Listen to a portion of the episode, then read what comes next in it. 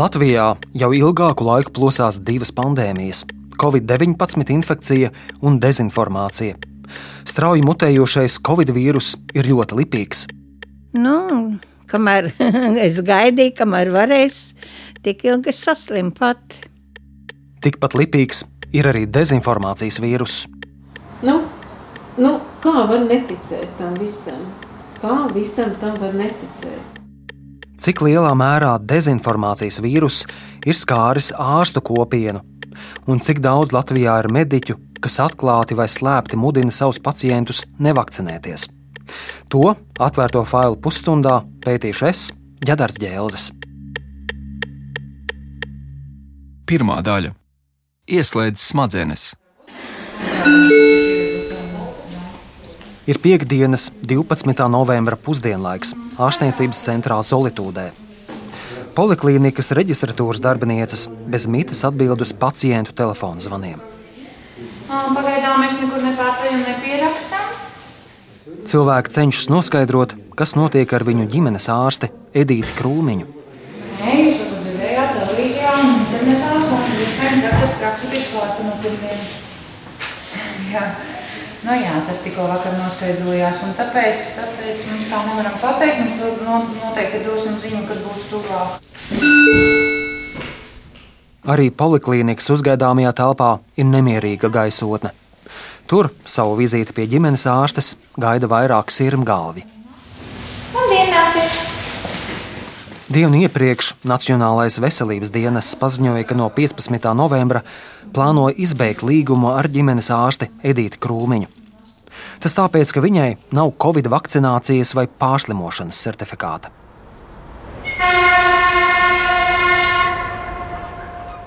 Pie Zolītūdes poliklīnikas satieku Valentīnu Potāpovu. Man ir 82 gadi, bet man aprūpē ir mana māsa, kas ir 84 gadi veca, kas ārā neiziet, jo viņai ir kustību traucējumi, viņa ir arī nedzirdīgā. Abas māsas ir starp apmēram 1600 Edītas Krūmiņas pacientiem. Šis paziņojums televīzijas panorāmā ļoti šokēja. Jo ģimenes ārste Edita Krūmiņa ir ilgadēja mūsu ģimenes ārste, kas zina visus mūsu apstākļus, ir regulāri apsekojusi manu slimo māsu mājās, kā arī sniegusi ilgadēju medicīnisku palīdzību. Ārste patiešām ir iejūtīga un augsti kvalificēta. Valentīna Potāpova ir lielā izmisumā, ko tagad darīt, jo māsai vajadzīga aprūpe.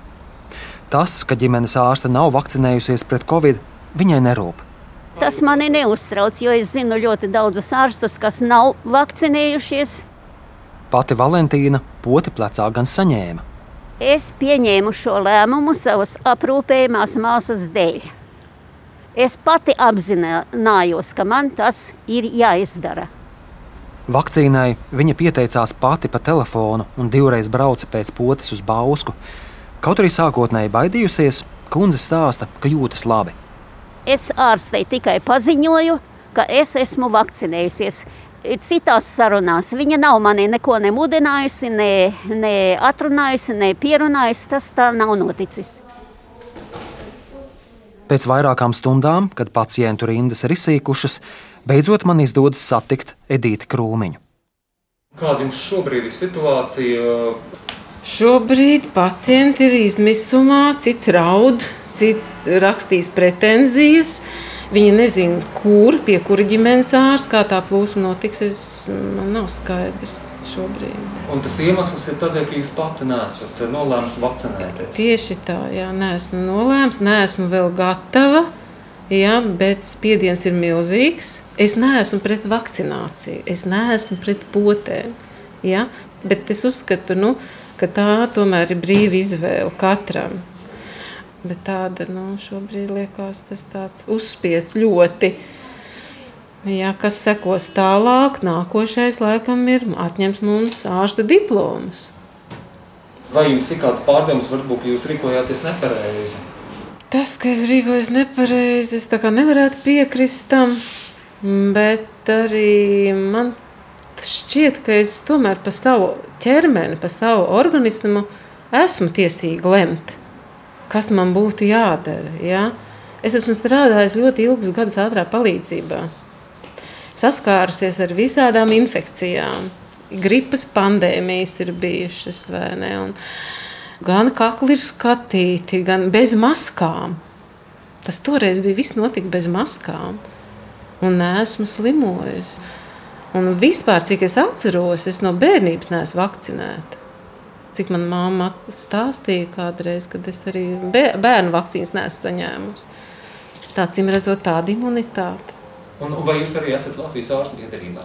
Jā, es esmu Latvijas ārstu biedrībā, um, bet, nu, Tas ir mans vied, individuālais viedoklis, jo man nav pārliecība. Man nav pārliecība. Tiklīdz es iegūšu šo pārliecību par šo vakcīnu, protams, jā. protams pacienti tiks vakcinēti. Katrs pacients tiks vakcinēts, un, un arī mani ģimenes locekļi būs vakcinēti. Ja šī vakcīna tik tiešām pasargā cilvēku no saslimšanas. Un es nevaru pacientiem pateikt, jums ir noteikti jāvakcinēs, tas jums pasargās. Un pašā ārstu biedrībā jums ir diskusija biedru sarakstē par to, vai vajadzētu ģimenes ārstiem mudināt cilvēkus vakcinēties vai nē. Kaut kas tāds notiek ārstu biedrības ietvaros? Vai? Nē, nē, tas nav bijis nekādas uzrunas, nekādi piedāvājumi, ja, ka mums vajadzētu tā rīkoties. Nav tā komunikācija tāda bijusi. Edīte Krūmiņa stāsta, ka daudz informācijas iegūst caur sociālo tīklu aplikāciju Telegram savā mobilajā telefonā. Tur ir ļoti interesanti. Tur ir pierādījumi, tur ir pamatojumi, tur ir Rīga kopā, darbinieku aizsardzības biedrība, Rīgas ielās. Ārste uzskaita vairākas lielas tērzēšanas grupas vai kanālus, kam var pievienoties vai sekot ik viens. Piemēram, vakcīnu pretinieku grupai pirms izlem ieskaties. Šajā sociālā tīkla grupā latviešu un krieviski ir dažādi ieraksti par to, kāpēc covid vakcīnām mirst cilvēki, ka tās ir ļoti kaitīgas, potēm ir briesmīgas blaknes un tam līdzīgi. Ir arī pārsūtīti ieraksti no platformas Vakcīna realitāte Latvijā. Tā ir ilgstoši izplatījusi melus nepatiesus apgalvojumus un dezinformāciju par vakcīnām.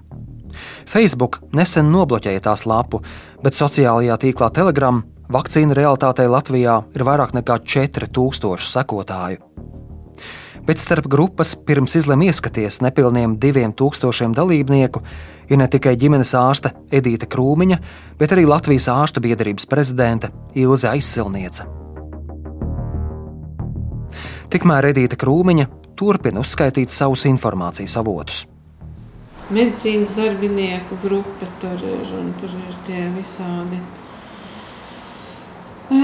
Visi pierādījumi, cik ir dzīvi miruši, cik ir patiesība, tur, jā, cik no vakcinācijām miruši. Es nezinu, no kurienes tie, tie dati. Tur darbojās arī ciekurs ļoti enerģiski. Andris Siekurs ir informācijas tehnoloģiju speciālists. Baltijas pētnieciskās žurnālistikas centra Rebaltika pētījumos viņš figurē kā viens no galvenajiem dezinformācijas izplatītājiem Latvijā. Nu, nu, kā var neticēt tam visam? Kā visam tam var neticēt? Un tur tajā telegramu grupā tie mediķi, kas apmainās šo informāciju. Mediķi, jā, mediķi, jā viss tā informācija nāk tikai no telegramas. Jo, jā, piemēram, es nezināju, ka 190 ārsti ir medicīnas darbinieku aliansē, ja, kas ir pret. Vienā no šīm telegramu grupām pamanu ģimenes ārste no Kuldīgas Zandu Zaueri. Nacionālais veselības dienests paziņoja, ka no novembra vidus lauzīs līgumu arī ar Zaueri, ja viņai nebūs Covid vakcinācijas certifikāta. Atšķirībā no krūmiņas, ģimenes ārste Zauera savus pacientus pret Covid vakcinē.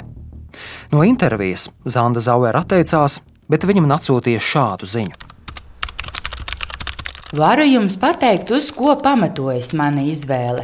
Tā balstās doktora Rīka Gerda Heimera formulētajos un zinātniski apstiprinātajos bioloģiskajos likumos, arī virusologa Štefana Lankas pētījumos. Esmu iepazinusies ar neirozinātnieces Karolainas Līvas pētījumiem, lai mēģinātu saprast, kā funkcionē cilvēks viņas grāmatā Ieslēdz smadzenes. Izvērtējot šo informāciju, izdarīju secinājumus, kurus apstiprina prakse. Tie man pašai personīgi lika pieņemt šādu lēmumu. Respektēju citu cilvēku uzskatus un izvēli, tādēļ arī savā praksē vakcinēju cilvēkus, kas to vēlas. Stefans Lanka, uz kuru atsaucas Zanda Zauera, ir skandalos vācu biologs un vakcīnu noliedzējs. Lanka cenšas apgalvot, ka masalas, ļoti lipīga akūta vīrusu infekcija nemaz neeksistē bet Rīka Gerts Heimers, vēl viens vācu dakteris un nu jau nelaiķis, sludināja pseidomedicīnu, kas varot izārstēt vēzi. Pacienti, kuri viņam uzticējās, mira, Heimeram atņēma tiesības praktizēt kā ārstam, un viņam nācās sēdēt cietumā. Tikmēr ģimenes ārstei Edītei Krūmiņai mūsu sarunas brīdī vēl ir divas dienas, lai pārdomātu. Ja viņa uztaisīs pirmo covid poti, viņa varēs turpināt strādāt par ģimenes ārsti. Uz to izmisīgi cer ārstes palīdze, arī Edīte. Ko viņa teica, vakcinēsies? Nu, viņa izdomās, viņa apdomāsies. Un, un... Kad vairs? Feldšera Edīte stāsta, ka arī Nacionālais veselības dienas ir aktīvi mudinājis ģimenes ārsti vakcinēties. Es viņai iegāju pus 40, nekrīt palika 30 minūtes. Nu, lūdzu, nu, lūdzu. Tomēr lūkšanas nepiepildījās. Ģimenes ārste Edita Krūmiņa tā arī nolēma nevakcinēties.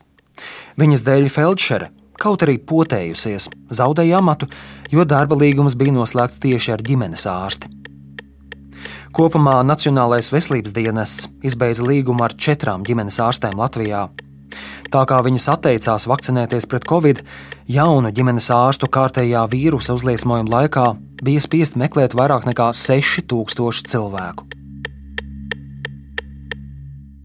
Otra daļa - vārds pret vārdu. Kādā Rīgas mikrorajona daudzstāvu dzīvojamā mājā kāpju uz otro stāvu. Tur zvanu pie durvīm.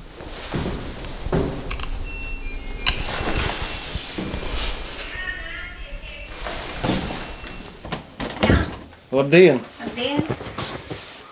Esmu ieradies ciemos pie cilvēka, kam ar ruletē ar ļoti augstām likmēm ir krietni paveicies.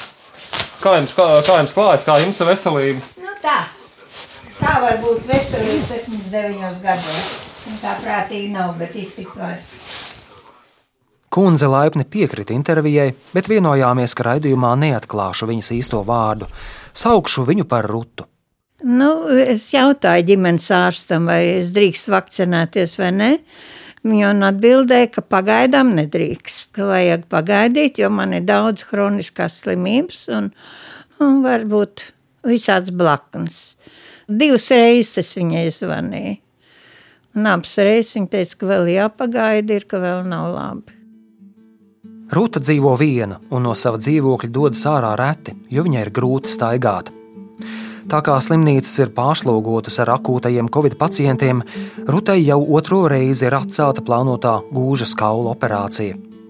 Tādēļ katru dienu sirmgalvi ierodas aprūpēt sociālā darbiniece. Nu, kamēr es gaidīju, kamēr varēs, tik ilgi saslimu pati. 10. septembra rītā Rutai palika slikti, un viņa uz brīdi zaudēja samaņu. Viņa domāja, ka ir problēmas ar sirdi, un ātrā palīdzība viņu aizved uz slimnīcu. Un, un tur pārbaudīja viss, un, un atradās, ka man ir tas covid. Jo es nemaz nezināju, ka man ir covid. Pēc pāris nedēļu ilgas uzturēšanās slimnīcā Ruta tika atpakaļ uz mājām. Man bija viegli slimības gaita. Man bija viegli, jā. Es nevaru teikt, man bija slikti. Man visu laiku gaisa bija pietiekamā daudz, un man netrūks kābeklis. Gan Ruta, gan sociālā darbiniece tikšanās laikā vienmēr lieto mutes un deguna aizsegu, tomēr infekcija piezagās. Nu, bet viņa arī nezināja, ka viņai ir. Viņai pats sākums arī bija. Viņai nebija arī temperatūra. Viņai bija 37,1 kaut kas. tāds, un, un, un, un, un, un klapošana tikai bija viņai arī. Bet pēc tam viņai bija smagāk nekā man, jo viņai nebija ne garša, ne, ne, ne smarža, neko viņa nejūt. Rutai pamazām paliek arvien labāk, un viņa gaida Martu, kad varēs iet vakcinēties. Šī tikai ir trīs vakcīnas, jau Moderna, Pfizer un Johnson. Pneimonologi, kuri ārstēja Rūtu slimnīcā, uzskatīja, ka šo gadījumu nedrīkst paslaucīt zem tepiņa. Pensionāra veselības dēļ ir riska grupā, un viņai jau sen vajadzēja saņemt covid vakcīnu. Tādēļ pneimonologi par ģimenes ārstes rīcību vērsās veselības inspekcijā.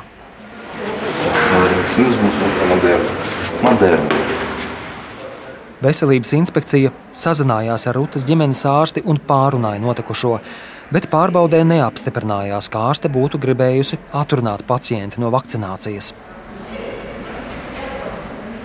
Kopš Latvijā sākās Covid pandēmija, Rūtas gadījums ir tikai viens no diviem, par kuriem veselības inspekcija ir saņēmusi iesniegumus. Arī otrajā gadījumā pārbauda par ģimenes ārsta atrunāšanu no vakcīnas beidzās bez rezultātiem. 15 minūtes pasēdēt, jā, tad var iet mājās labi. Veselības inspekcijā lūdzu interviju, bet tā vietā saņēmu rakstisku skaidrojumu no sabiedrisko attiecību speciālistes Elīnas Ermansonas. Viņa stāsta, ka veselības inspekcija strādā ar medicīnisko dokumentāciju.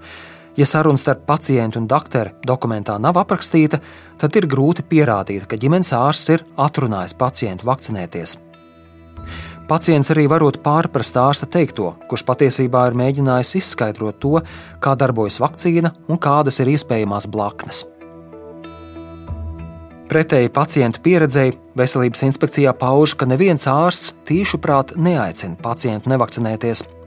Ārsti esot apzinīgas personas, kas saprot, kādas sekas var iestāties, ja cilvēks nevakcinējas. Anonīmās sūdzības no iedzīvotājiem ir saņēmis arī Nacionālais veselības dienests. Tomēr arī šai iestādē paši ārsti nolieguši, kā atrunājuši pacientus no vakcinēšanās. Es jums vēl iedošu jaunu masku, labi, ko jums kaut kā tāda pavecēja. No, vai? Uzdodiet jaunu, es jums ir kas vēl vienu iedošu. Uzlieciet, uzlieciet. Nu, skatiet. Tātad valsts iestādes īsti nezina, cik daudz ir tādu ģimenes ārstu, kas mēģina atrunāt savus pacientus no vakcinēšanās. Pat labi Latvijā valsts apmaksātus veselības aprūpas pakalpojumus sniedz vairāk nekā 1200 ģimenes ārstu. Apmēram 65% no viņiem paši injicē covid poti pacientu plecos. Bet to nedara apmēram 440 doktori, kaut gan viņu ģimenes ārstu praksēs vakcinācija notiek. To veids citi prakses darbinieki. Bet tā nav pazīme, vai pats ģimenes ārsts atbalsta vai neatbalsta vakcināciju. To skaidri parāda tās četras ģimenes ārstes, ar kurām Nacionālais veselības dienests pārtrauc līgumu, jo viņas nolēma nevakcinēties. Divas doktoras pašas potēja pacientus pret covid, bet divas to nedarīja. Vai iespējas vērsties pret tiem doktoriem, kuri slēpti pretdarbojas vakcinācijai, ir profesionālajām organizācijām? Turpina Latvijas ģimenes ārstu asociācijas vadītāja Sarmīta Veida mēs tikai varam ar viņiem runāt ja, un skaidrot situāciju, to zinātnisko pusi. Ja, un, protams, tā ir viņa izvēle. Sarmīta veida stāsta, ka nav dzirdējusi vēl par citiem ģimenes ārstiem, kuri pacientus atrunātu no vakcinēšanās, izņemot tos divus gadījumus, kurus jau iepriekš pārbaudīja veselības inspekcija. Līdzīgi ir ar Latvijas lauku ģimenes ārstu asociāciju. Sandra Gintere ir tās valdes locekle. Ziniet, ja man jāsaka godīgi, tad man ir tieši tāpat kā jums, ja, kad es esmu dzirdējusi, ja, bet konkrēti es nezinu nevienu vārdu uzvārdu. Tas ir tikai, nu, eh, piedodat, viena tante teica. Un es domāju, ka ar to nodarbojas patreiz mums arī likumsargājošie orgāni. Es domāju, ka viņi, tas ir viņu uzdevums. Ja? Ka mēs nodarbojamies ar ārstniecību.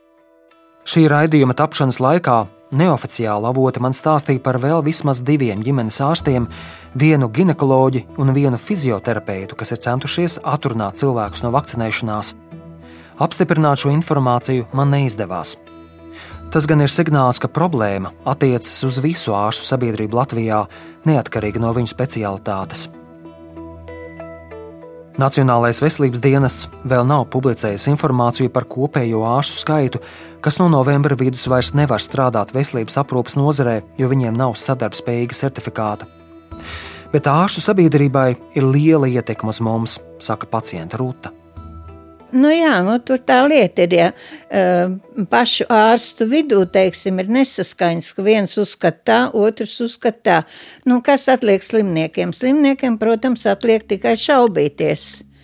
Un, ja būtu ārsts vidū, teiksim, vienādi uzskati, tad arī slimnieki mazāk, mazāk domāt par to, vai ir vērts vakcinēties, vai drīkst vakcinēties, vai nebūs kādas problēmas. Trešā daļa biedrība un sabiedrība. Ilgadējo Latvijas ārstu biedrības prezidentu Pēteri Apini amatā nomainījusi biedrības viceprezidente Ilze Aizsilniece. Ir 2018. gada novembris, un 12 gadus ilgušais Pētera Apiņa valdīšanas laiks ārstu biedrībā ir beidzies. Lai ģimenes ārste un homeopāte Ilze Aizsilniece kļūtu par prezidenti, pietika ar 136 balsīm. Biedrībā ir 3300 ārstu, bet vairums neaktīvi.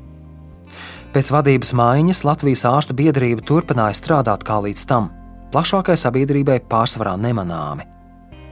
Artūrs Šilovs, Latvijas jauno ārstu asociācijas vadītājs, uzskata, ka organizācijai ir jābūt kam vairāk. Es personīgi skatos uz šo organizāciju kā pirmkārt lielāko, otrkārt ietekmīgāko organizāciju, kas pārstāv visus Latvijas ārstus, kurai ne tikai ārsti uzticās, bet arī sabiedrība uzticās. Valsts šai biedrībai, kas aizstāv ārstu intereses un rūpējas par viņu kvalifikāciju, ir uzticējusi arī ārstu certifikāciju. Līdz ar to tā kalpo par jumta organizāciju visām pārējām profesionālajām ārstu apvienībām un asociācijām. Sava vīzija par Latvijas ārstu biedrību ir arī reanimatologam Robertam Fūrmanim. Latvijas ārstu biedrībai ir jābūt tai mājai, ēkai, vietai, uz kurien ārsts atnāk, un viņš zina, ka tā ir viņa vieta. Tas ir kā templis ārstiem, kur viņi nāk un, un zina, kad viņi ir atnākuši pie saviem cilvēkiem. Bet templis ir sašķobījies. Covid-19 pandēmija, epidemioloģiskās drošības pasākumu un valsts īstenotā vakcinācijas politika sašķēlusi nevienu politiķus un sabiedrību, bet arī ārstus. Latvijas ārstu biedrības prezidentes Ilzes aizsilnieces atklātā vēstule sāsinājusi iekšējās domstarpības vienā no lielākajām Latvijas mediķu organizācijām. Ilze aizsilniece septembrī atklātā vēstulē valsts augstākajām amatpersonām valstī noteiktos drošības pasākumus pret covid nodēvēja par bezjēdzīgiem. Bērniem un jauniešiem skolās liekot vilkt maskas, lai viņus sodītu, nevis pasargātu. Un turklāt ar pesticīdiem noklātās maskas nopietni apdraudot bērnu veselību. Citus ārstus tas pārsteidza. Turpina Roberts Fūrmanis. Sejas maskas nav apstrādātas ar pesticīdiem vai vēl vēlams sazināties kādām vielām. Un līdz ar to arī man, man izbrīna, kad ārsts var eh, pateikt kaut ko tādu. Reaģējot uz aizsilnieces izteikumiem, Roberts Fūrmanis ar vēl trijiem ārstu biedrības valdes locekļiem organizācijā izveidoja speciālu Covid darba grupu. Tās mērķis bija sniegt zinātnē balstītu viedokli par pandēmijas ierobežošanas pasākumiem un atbalstīt pēc iespējas plašāku vakcināciju. Taču konflikts eskalējās tik tālu, ka Fūrmanis pameta viceprezidenta amatu biedrībā. No valdes aizgāja arī Kārlis Rācenis, kurš pārstāvēja Latvijas jauno ārstu asociāciju. Līdz ar to šī organizācija ir pārtraukusi sadarbību ar ārstu biedrību. Stāsta Artūrs Šilovs. Tas nav stāsts tikai par uh, ārstu biedrības vadītāju, dr. Ilza aizsalnieci, bet um, jāsaka, ka ārstu biedrība jau nav viens cilvēks. Tie ir pirmkārt visi biedri, tā ir valde, un um, beigu beigās tas tā ir arī tāda kolektīva atbildība. Neapmierināti ar biedrības mūsinošajiem vēstījumiem Covid krīzē ir vēl pāris valdes locekļi. Tomēr neoficiālas sarunas ar ārstiem liek domāt, ka valdes vairākums ir inerts un nevēlas cīnīties pret dezinformācijas vīrusu, kas cenšas izplatīties pašā organizācijā. Šogad, 17. augusta ārstu biedrības valdes sēdes darba kārtībā, parādījās jautājums par sejas aizsarga masku drošību. Par tām attālināti pusstundas garumā stāstīja Baiva Pūce, darbiniece no kādas firmas, kas izplata darba drošības līdzekļus. Savukārt sociālajos tīklos viņa izplata pret covid vakcīnām un ierobežojumiem vērstus ierakstus. Tāpat darba kārtībā bija iekļauta vēstule no doktora Pāvela Naumova. Viņš tajā biedrību aicināja pārvērtēt priekšrocības, ko sniedz vakcinācija pret covid. Abiem jautājumiem sēdes darba kārtībā bija noteikta augstāka prioritāte nekā, piemēram, grozījumiem ārstniecības likumā. Labdien, vai uh, doktora Ilza aizpildīja? Par ko tas gods runāt, lūdzu? Ķedars Ģēlis, pētniecības žurnālists no Latvijas radio. Ir brīdiņš šobrīd? Nē, man nav brīdiņš šobrīd, es esmu pie stūra. Kad es varētu piezvanīt? Šī raidījuma tapšanas laikā intervijai Ilza aizsilniece neatsaucās. Viņa neatbildēja arī uz maniem rakstiski nosūtītajiem jautājumiem. Tādēļ tikos ar ārstu biedrības viceprezidentu Māri Pļaviņu. Viņš noraida kritiku, ka biedrība nemudinātu cilvēkus vakcinēties. Un, ja mēs runājam par pašu ārstu biedrības valdi, tad tā ir ļoti augsti profesionāla organizācija. Jo pirmkārt, šeit ir septiņi, vismaz no 15 medicīnas zinātņu doktori, arī vēl pat habilitēti doktori. Šeit ir vismaz četri profesori, trīs cilvēki, kas savā laikā ir vadījuši visas valsts lielākās slimnīcas. Eh, es te patiesībā tādai kritikai īsta pamata neredzu. Pļaviņš nekad nav dzirdējis, ka arī Ilza aizsilniece būtu pret vakcināciju, kaut gan savā Facebook profilā ārstu biedrības vadītāja aktīvi dalās ar ierakstiem, kuros parādīti vakcīnu trūkumi. Un, zināmā mērā, uz to ir atbilde arī viņas pašas uh, prakse, kur nu, man šķiet, ka tagad jau gandrīz 90% no visiem viņai pierakstītajiem pacientiem būs vakcinēti. Vismaz pirms dažām nedēļām uh, šis rādītājs ietilpa desmit uh, ģim, Latvijas ģimenes ārstu visveiksmīgāk vakc, uh, vakcinēto prakšu sarakstā. Nacionālā veselības dienesta dati rāda, ka pašā aizsilnieces praksē ir sapotēta nepilna trešā daļa viņas pacientu. Vairākums ir vakcinējušies citvietā. Tātad prakses pacientu vakcinācijas aptvere, kas novembra vidū bija 80%, lielā mērā ir pašu pacientu nopelns. Ir vēl kāds ar vakcināciju saistīts notikums, kas zīmīgs Latvijas ārstu biedrībai Ilzas aizsilnieces valdīšanas laikā stāsta imunizācijas valsts padomas vadītāja Dāca Zavacka. Imunizācijas padome 2019. gadā jau vērsās ar oficiālu lūgumu Latvijas ārstu biedrībā, veselības ministrijā un pie abām ģimenes ārstu asociācijām un arī pediatru asociācijas, ka mēs um, lūdzām pēc iespējas ātrāk rast iespēju nodrošināt ārstniecības personu. Tātad tas nozīmē gan ģimenes ārstu, gan pediatru, gan medicīnas māsu ārstu palīdzību, tālāk izglītību jautājumos, kas saistīti ar vakcināciju, un iekļaut to resertifikācijas obligātajās prasībās. Bet Latvijas ārstu biedrība, organizācija, kas certificē un ik pēc pieciem gadiem resertificē ārstus, imunizācijas valsts padomus vēstulē neatbildēja, un vakcinācijas tālāk izglītība nenotika. Dācis Zavatska uzskata, ka ārstu biedrībai varēja būt liela nozīme, lai palīdzētu valstī ieviest nepopulārus, bet vajadzīgus mērus, kas būtu vairāk pasargājuši cilvēkus no covid.